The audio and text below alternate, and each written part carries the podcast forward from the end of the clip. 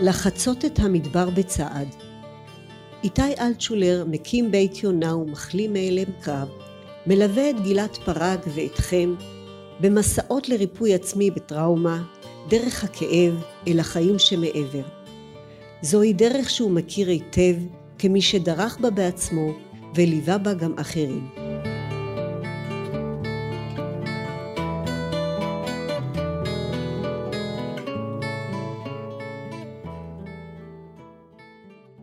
פרק שביעי, אקולוגיה של רגשות. אנחנו נמצאים עם החברים למסע כמעט באמצעו. הם למדו להאט, להקשיב, להכיר ולנהל את הגבולות שלהם, וזה הזמן להיפגש עם הרגש. אנחנו קוראים להם הרגשות שלנו, כאילו אנחנו היוצרים של הרגש, או שהרגש הוא המגדיר אותנו. הרגשות משפיעים על החיים שלנו בהימצאם או בהיעדרם. בעיקר במצב של פוסט-טראומה בו מנעד הרגשות הופך לטון אחד חזק ולפעמים קשה מנשוא. בשיחה הפעם יציג איתי תפיסה חדשה לגבי הרגש. הגישה אינה רואה ברגש חלק מאיתנו או נתין, נשלט או שולט, אלא ישות עצמאית, חיצונית לנו. זה אולי נשמע קצת מופשט כרגע, אך זה כלי פשוט ורב עוצמה, המאפשר לנו לבחור את הפגישות שלנו עם הרגש, ולהיפתח אל האקולוגיה של הרגשות. סביבה מורכבת, רבת משתתפים, וכשהיא בריאה, היא מאוזנת. בסיפור נחשף לראשונה לערך של ההתמודדות המשותפת, של רונית, של ירון ושל אפרת. נדבר עם איתי על האקולוגיה של הרגשות, על רגש מועדף ורגש מנודה, איך פוגשים רגש, ולמה כל כך חשוב ללמוד להשתתף באיזון של האקולוגיה הרגשית כדי להחלים מפוסט-טראומה. קריינות, סימה אלטשולר. לעצור את הריקוד. הם ישבו במעגל, כל אחד בתורו קם והשליך פתק לסל אשפה גדול וחזר למקומו. כשתם הסבב, השתררה דממה מיוחדת. כל אחד הרגיש בדרכו שהוא נפרד מחלק מעצמו. חלק שהוא שמח להיפרד ממנו, ובו זמנית הותיר אותו חסר ועצוב. רונית ניגשה בהיסוס מה למרכז המעגל, והחלה לשלוט את הפתקים ולקוראם. בהתחלה בקול מהוסס, קול שהלך והתייצב לאט לאט. בשקט שעטף את החדר, לחישתה הפכה ליתד בלבבות המקשיבים. רונית ערסלה כל מילה כגוזל בניסיון התעופה הראשון שלו. סבלנות, היא לחשה. כעס, הזדנב בהמשך.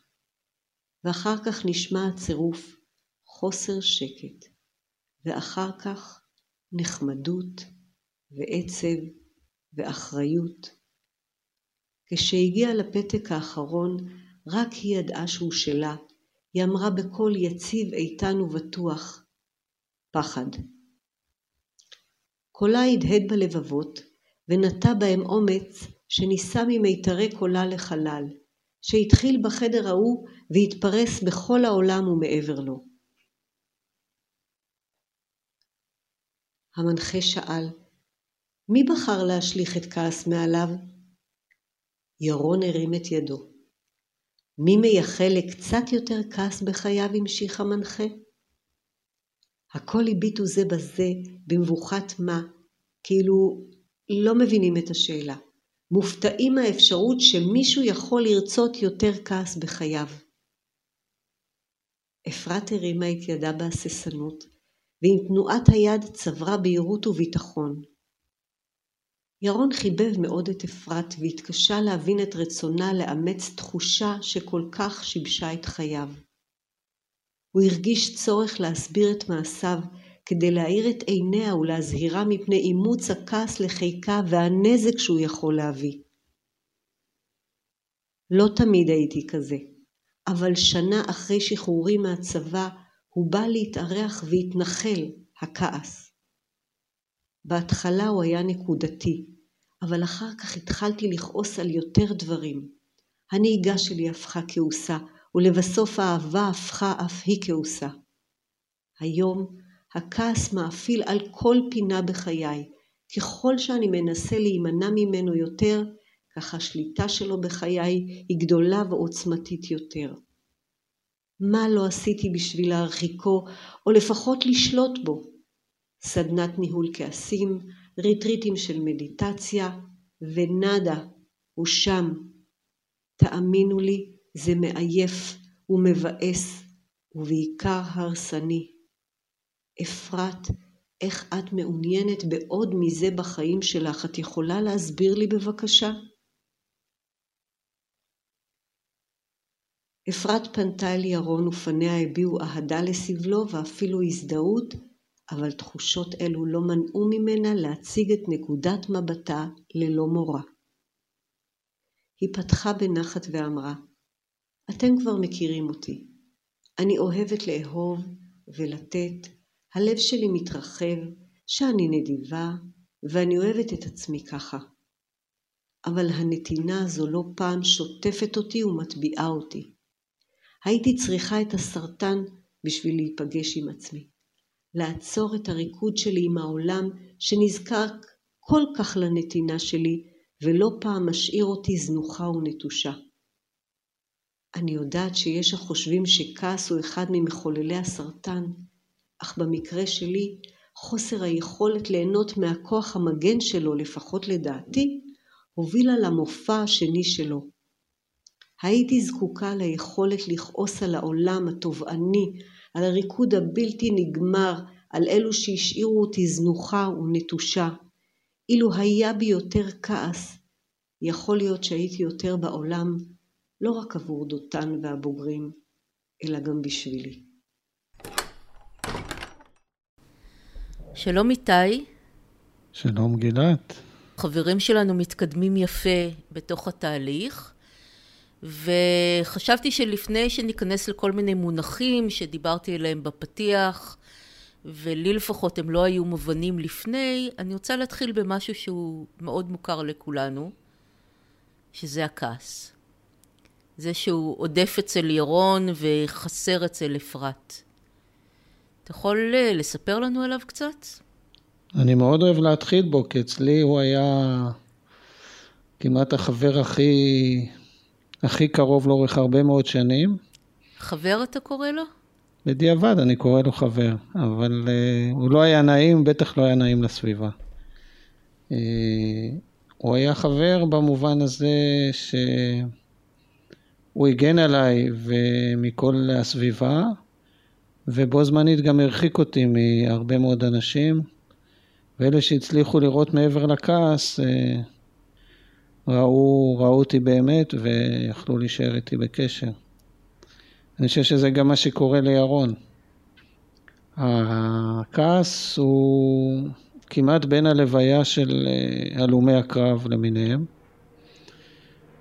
מאוד אופייני לאנשים שעברו הלם קרב אה, לכעוס, להיות כעוסים. ולצערי, כיוון שהמדינה שלנו היא מדינה של הלומי קרב, אז היא גם מדינה שעברה טרנספורמציה לעם כעוס, מה שלא היה כנראה לפני הרבה מאוד שנים, אבל כרגע כשזרים מגיעים לפה הם מבחינים בזה בן רגע.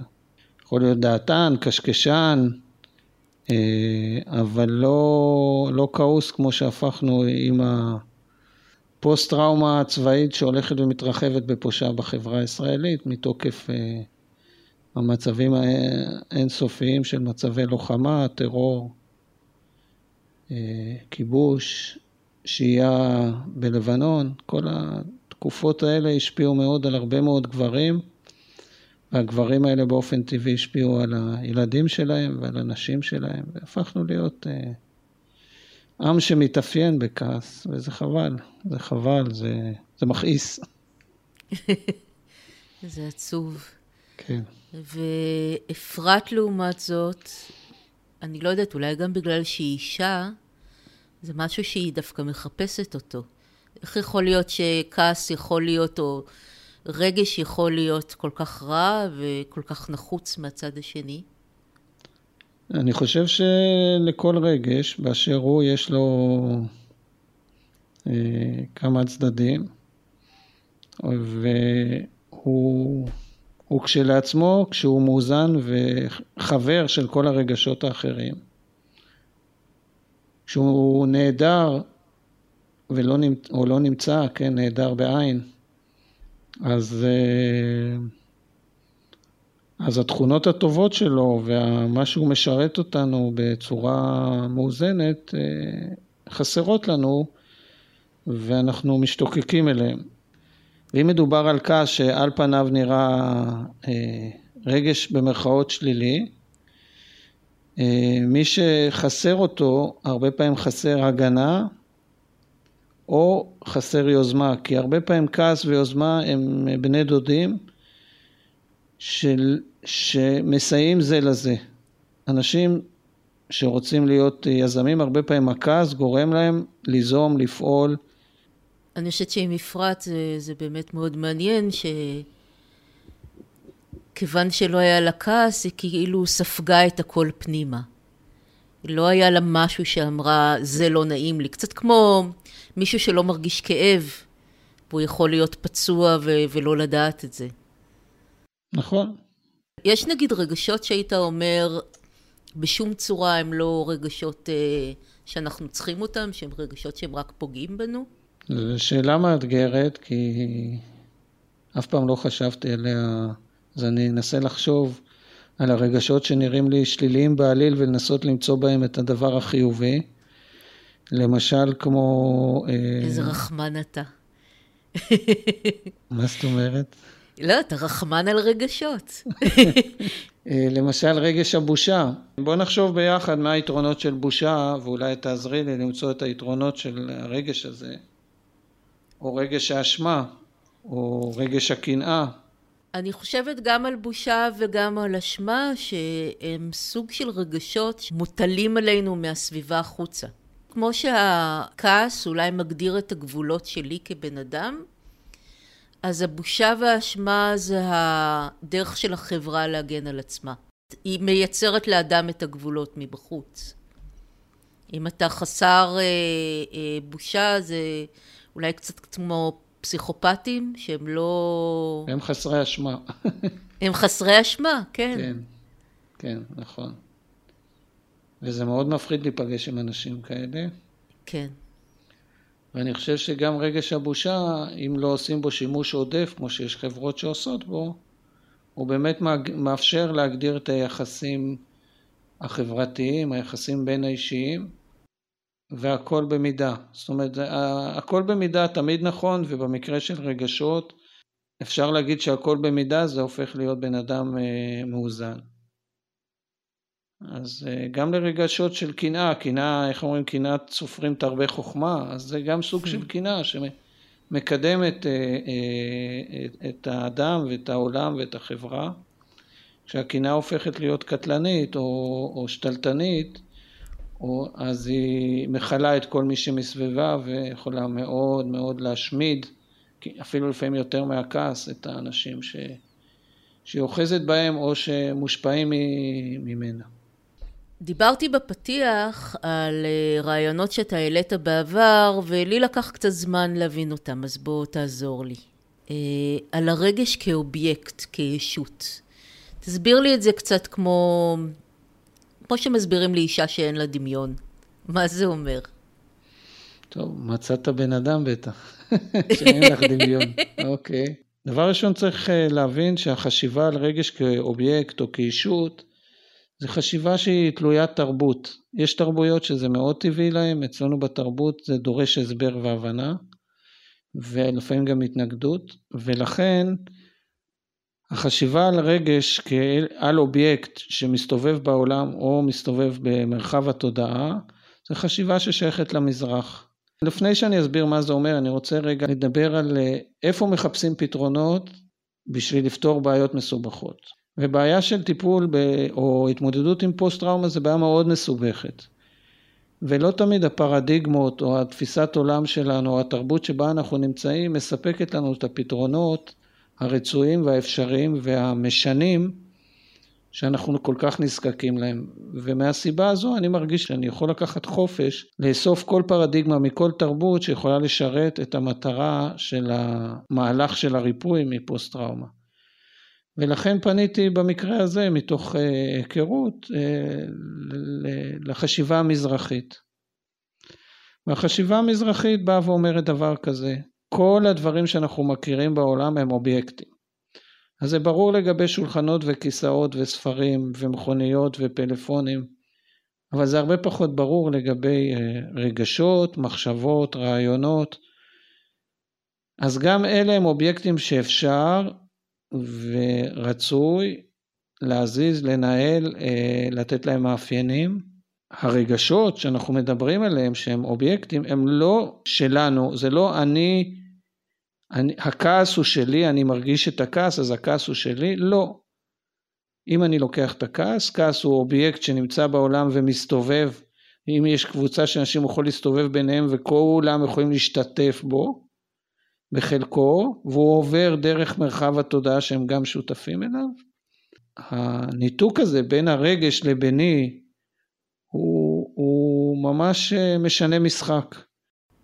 אתה מדבר על משהו הרבה יותר חזק, זה לא רק שאני הבעלים של הרגש, לפעמים אני מרגישה שהרגש הוא אני. הוא לא נכון. רק את...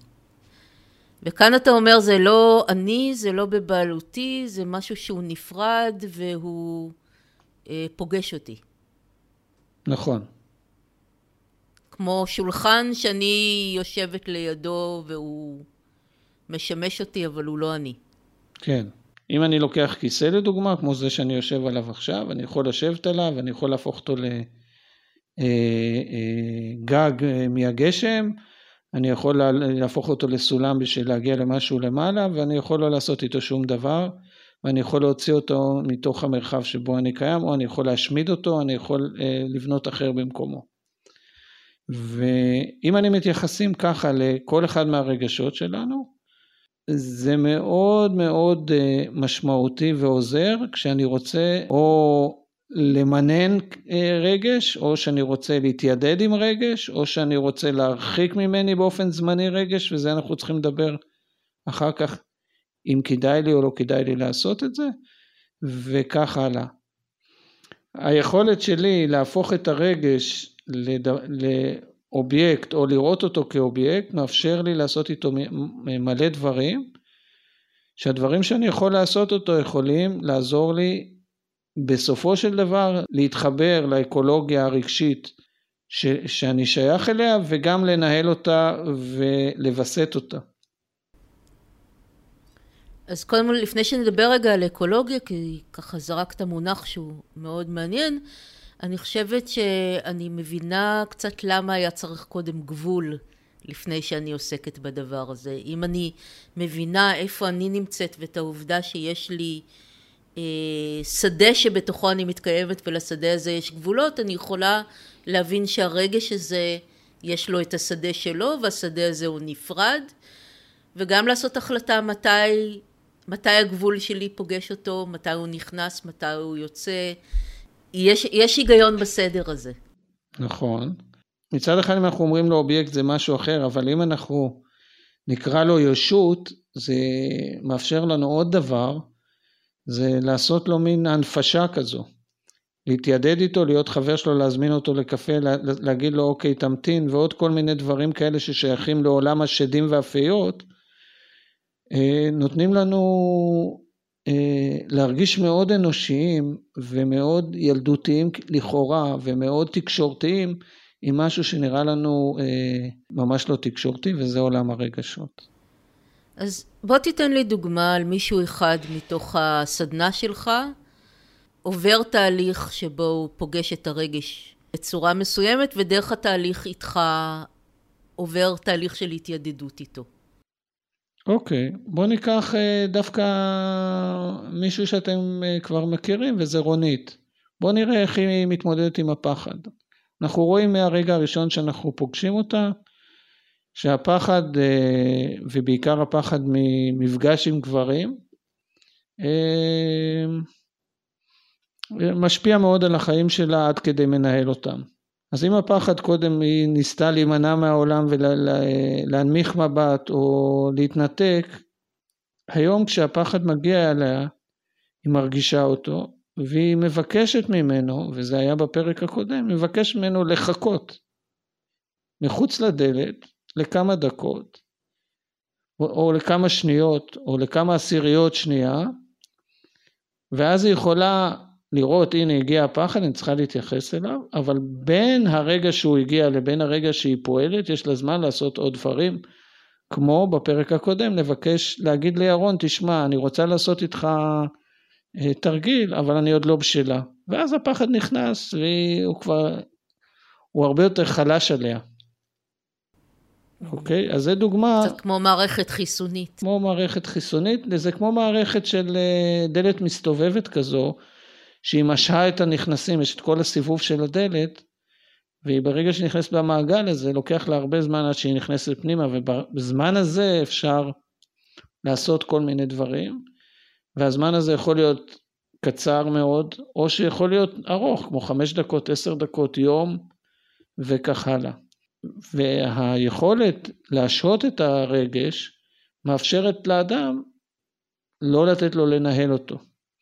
היכולת שלי להגיד לרגש שלי, תשמע, אני רואה שאתה מתקרב אליי, אני רואה אותך, אל תעלב, אני רואה אותך, אבל תחכה כי יש לי משהו חשוב לעשות לפני שאתה, שאני אתפנה אליך, זה ממש המחשה של ההנפשה של הרגש, כי זה אותו דבר אתה יכול להגיד לבן אדם, שאתה קובע איתו פגישה, ואתה אומר לו חכה עוד חמש דקות אני אתפנה, כי אני הייתי באמצע משהו, אותו דבר לגבי הרגש.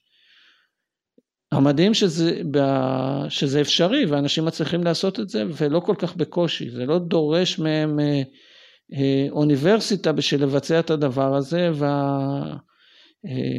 וההשלכות של מין דבר כזה הן אה, ממש מכוננות מבחינתם.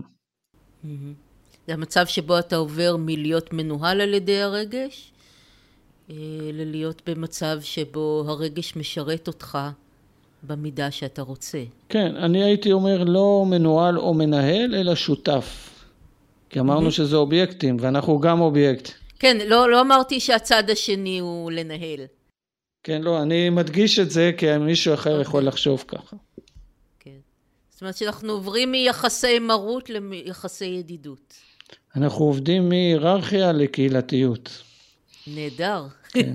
תמיד בעד. כן. תמיד בעד. אז בוא נדבר על דרגה קצת יותר גבוהה של קהילתיות וזה האקולוגיה. אם אנחנו מסתכלים על הרגש בתור אישות, ויש לנו הרבה רגשות והרבה גוונים של רגשות, שכל גוון הוא למעשה אישות בפני עצמה, אז אנחנו בתור בני אדם יש לנו מגוון רגשות. היחסים בין הרגשות הם יחסים אקולוגיים. מה זה יחסים אקולוגיים? זה יחסים שכל אחד ואחד מהמרכיבים של המערכת הזו האקולוגית חשוב לקיום של האקולוגיה ולאיזון שלה. אם אני רוצה, אם יצא משהו אחד מתוך המערכת, המערכת תצא מאיזון, או לחלופין אם משהו אחד יגדל או יתעצם בצורה מוגזמת, שוב המערכת תצא לאיזון, ובמקרה הזה שהמערכת יוצאת מאיזון אנחנו יוצאים מאיזון. לדוגמה, אם הכעס, כמו במקרה של ירון, הוא כל כך דומיננטי, אז כל המערכת שלו אה, לא מאוזנת, הוא לא מצליח ליצור קשרים עם נשים, הוא לא מצליח להחזיק מעמד בעבודה, הוא לא מצליח לאהוב את עצמו, הוא לא מצליח כל מיני דברים, בגלל שהכעס הוא תופס יותר מדי נפח בתוך המערכת האקולוגית שלו.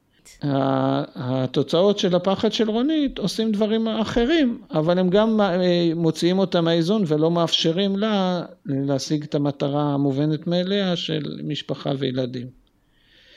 לעומת זה, היעדר הכעס אצל אפרת, הוא גם מוציא את, ה... את אה, אפרת מאיזון, כשלמעשה העולם שלה מורכב בעיקרו מהצרכים של האחרים והרבה פחות מהצרכים של עצמה, כי הכעס לא עושה את התפקיד של ההגנה שהוא יכול לעשות על מימוש הצרכים שלה עצמה. מה שקורה כשאדם אה, מאט ומתחיל להתרווח, פתאום יש מקום לעוד דברים, ואז מהצד של הרגש הדומיננטי צפים פתאום ניואנסים של אותו רגש לכאורה, או אה, רגשות אחרים שהיו מוחבאים מתחת לאותו רגש.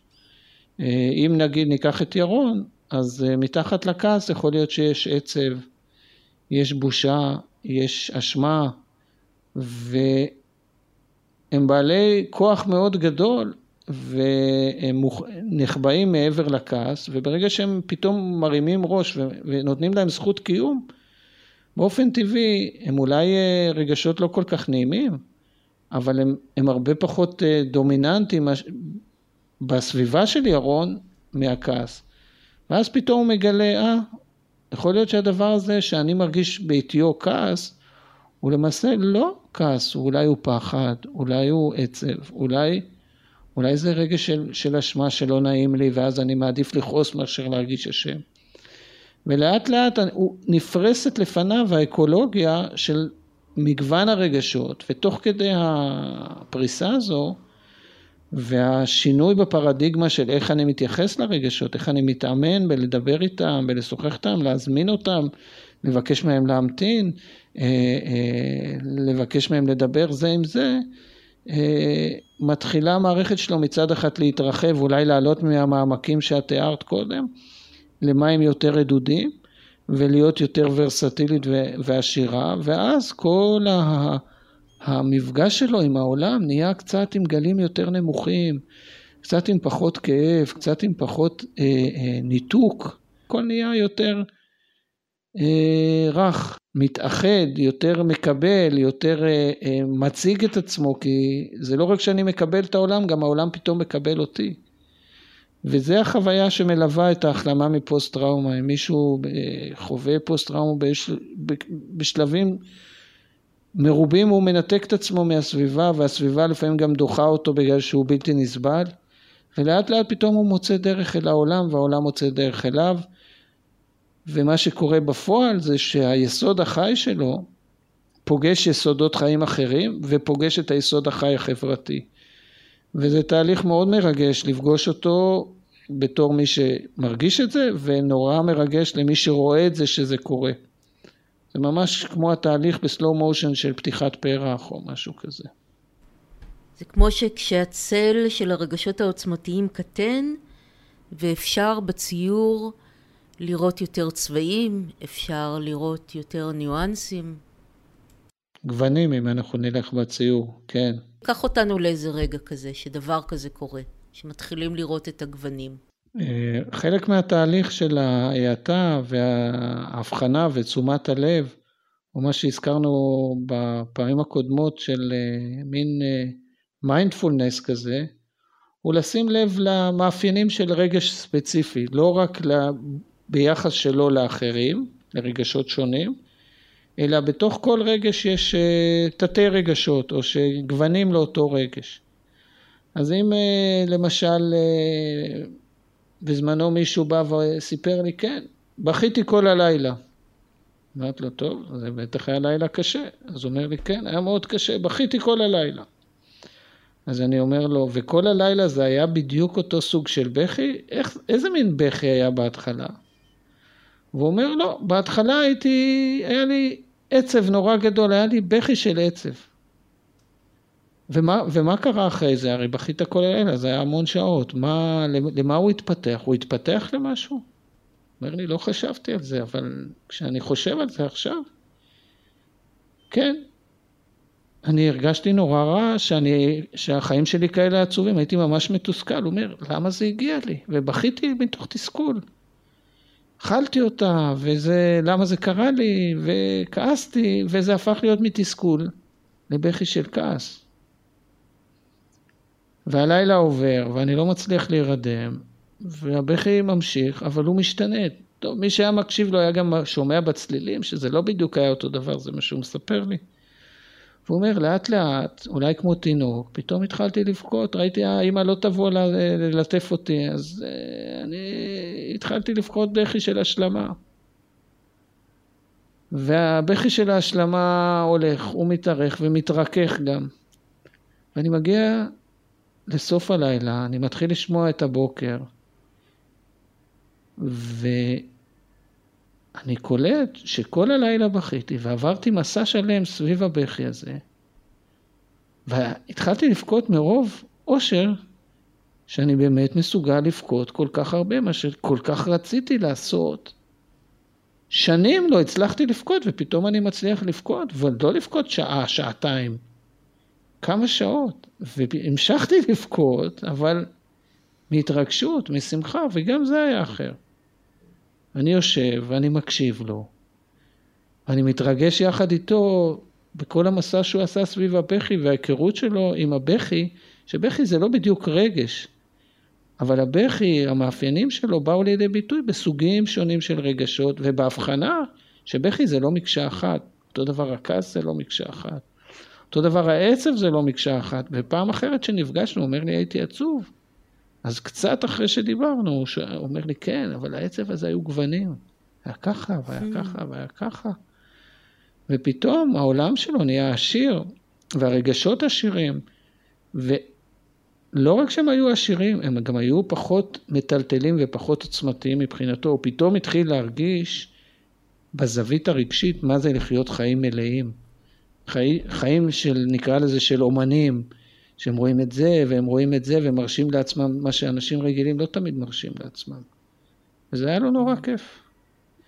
ומה שאתה יודע פעם אחת זה לא נעלם לך יותר. אתה יודע שיש את העולם הזה, גם אם אתה מתקשח עוד פעם, אתה יודע לאן לחזור, וזה נכס שאין לו תחליף.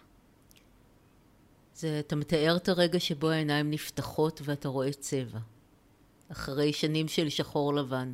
שחור לבן, אחר כך היית צבע שמן, ופתאום אתה עובר לצבעי מים. כן, זה מה שקורה. אוקיי. אני לא מתווכחת עם ציירים על העניין הזה, אבל מה שאני אומרת זה שברגע שראית משהו כזה, אתה, אתה יודע. זה נורא מרגש, זה כאילו פתחת דלת, דלת אחרת, במקום ללכת במסלול הארוך, הקשה, המתנגח, להגיד, אה, סליחה, אבל יש כאן, יש כאן עוד איזושהי דלת בצד. כן, כמו בחליזה בארץ הפלאות. בהתחלת כן. הסיפור, כן. כשאנחנו נמצאים במקום הזה שבו, נגיד, כמו ירון, אה, הכעס הוא השליט, זה נשמע כאילו כל דבר שקורה, הדבר הראשון שהוא מגיב עליו זה בכעס. אם uh, הוא לא מצליח משהו, הוא כועס, אם מישהו אמר לו משהו שהוא לא התכוון, הוא כועס, אם הוא איחר את האוטובוס, הוא כועס. Uh, זה נשמע כמו, כמו הפעולה המיידית שלו. נכון. אני תוך כדי עבודה עם אנשים גיליתי שיש דבר כזה שאני מגדיר אותו כרגש דיפולטי. מה זה רגש דיפולטי? שהוא קופץ בתור ברירת מחדל לכל הרגשות האחרים. שהאדם לכאורה מרגיש איתו הכי נוח והכי קל לו להתמודד איתו, לעומת כל רגש אחר, ולכן במרכאות, ואני אומר במרכאות כי האדם לא בוחר את זה בפועל באמת, לכאורה האדם בוחר את הרגש הזה ומציף אותו בתור הדבר המיידי והאולטימטיבי. ואם ניקח את ירון, עם ירון, גם כשהוא מפחד ב, אה, ב, אה, בכניסה לרכבת, הרגע שהוא מרגיש הוא כעס, ולמרות שהוא מזיע וחרד ואני לא יודע מה. אה, והידיעה שיש רגש כזה, שמאחריו מתחבאים עוד רגשות, עצם הידיעה הזו מאפשרת לאדם לחפש אחרי הרגשות האחרים. ולהבין שיש לו איזה מנגנון אוטומטי שמקפיץ את הרגש הדיפולטי. זאת אומרת, אם היה לי מישהו שעבדתי איתו והרגש שלו האוטומטי היה עצב, דבר שהכעיס אותו, במקום שהוא יכעס, הוא אמר, כן, זה עצוב, זה לא נעים, אני, זה מעציב אותי, אני... אה, אה, מה שהוביל אותו באמת להיות במצב אה, די דיכאוני. פתאום שהוא התחיל לגאות את הכעס, לדוגמה, שהיה מוחבא מתחת לעצב. היו לו הרבה דברים שהוא כעס עליהם, פתאום העצב התמתן, הדיכאון הצטמצם, הכעס גדל ואחר כך גם קטן, והלב שלו התרחב, אבל עצם העובדה שהוא שם לב שכל דבר, כל דבר מעציב אותו ולא מאפשר לו לפגוש רגשות לא נעימים אחרים, אה, היה אה, נקודת פתיחה ליצור מערכת מאוזנת ואפשרית מבחינתו. אמרת כאן משהו נורא חשוב, זה שהרגש אה, מסתיר רגשות לא נעימים אחרים. יכול להיות שיש מצב שבו אני מפחדת לפגוש את הרגשות האלה, שהרגש הזה, נגיד כמו העצב, מגן אליי מפני הכעס, כי אני מפחדת שהכעס יהיה הרסני מדי? אני לא יודע אם אני אה, יכול לתת לעצמי את התשובה, את התשובה שהוא יהיה הרסני מדי, אבל אני מרגיש שיש לי פחות כלים איך אה, לשהות איתו בשלום ולצאת מזה בשלום. Mm-hmm. ויש רגשות להיות מאוד לא נעימים, אבל עדיין איתם אני מסתדר טוב. זה כמו זוג שהם ממש לא מסתדרים, והם אה, אומרים, את זה אני מכיר, אני לא מתגרש, אני לא רוצה ללכת לבן או בת זוג אחרים, שהם יהיו גם גרועים, אבל אותם אני לא יודע איך להתמודד איתם. אז אני כן. נשאר עם אותו... באותו מצב, ויכול להיות שהמצב האחר הוא יהיה גרוע באותה מידה, או אולי יותר גרוע, ולפעמים לא. אבל מי ש... ואנחנו באותו מנגנון של זוגיות הרבה פעמים נמצאים עם רגש דיפולטי כזה. עכשיו, הרגש דיפולטי יכול להיות גם חיובי. לכאורה, אם אדם שהוא כל הזמן הפי, או כל הזמן אופטימי, אני מכיר כמה אנשים כאלה שכל דבר הופכים אותו לשיעור, לאופטימיות, ליהיה טוב, כבר טוב וכו', ומסתירים את העצב שלהם, את הכעס שלהם, כי לא נעים להם, הם מתביישים בו, או, או זה לא nice to have, במובן ה-literally של המושג הזה.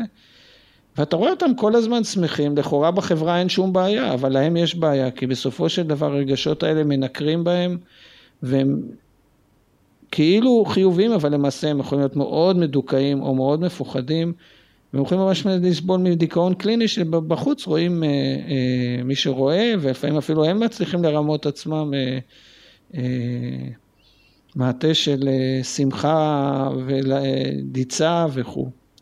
אז כך שזה לא חייב להיות רק רגשות שליליים, זה יכול להיות כל רגש.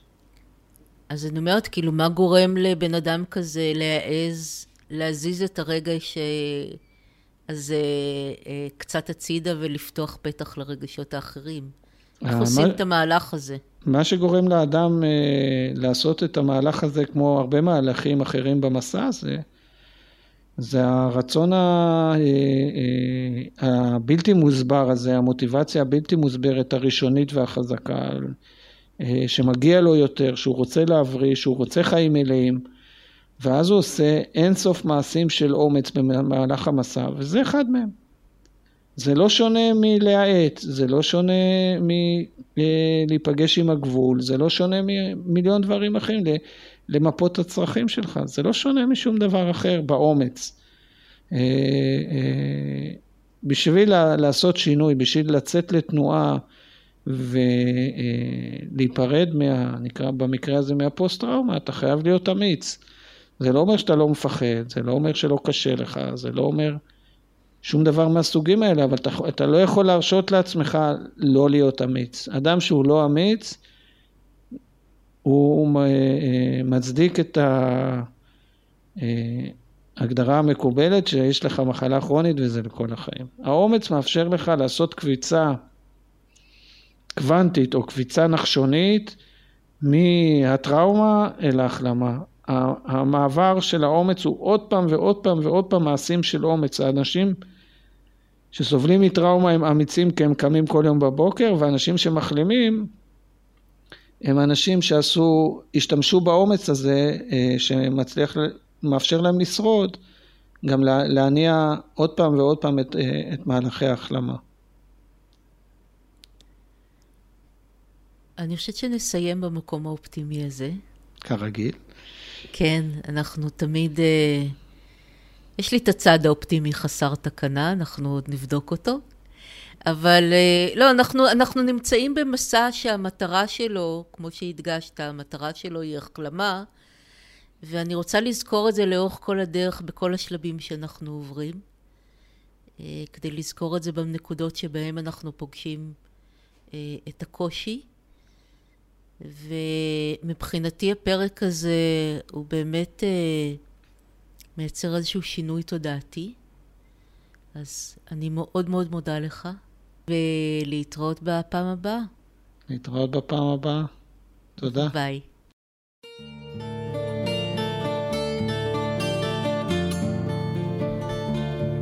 אם תרצו להרחיב על הנושאים שעלו בפרק הזה, היכנסו ללינק בטקסט המצורף לפודקאסט.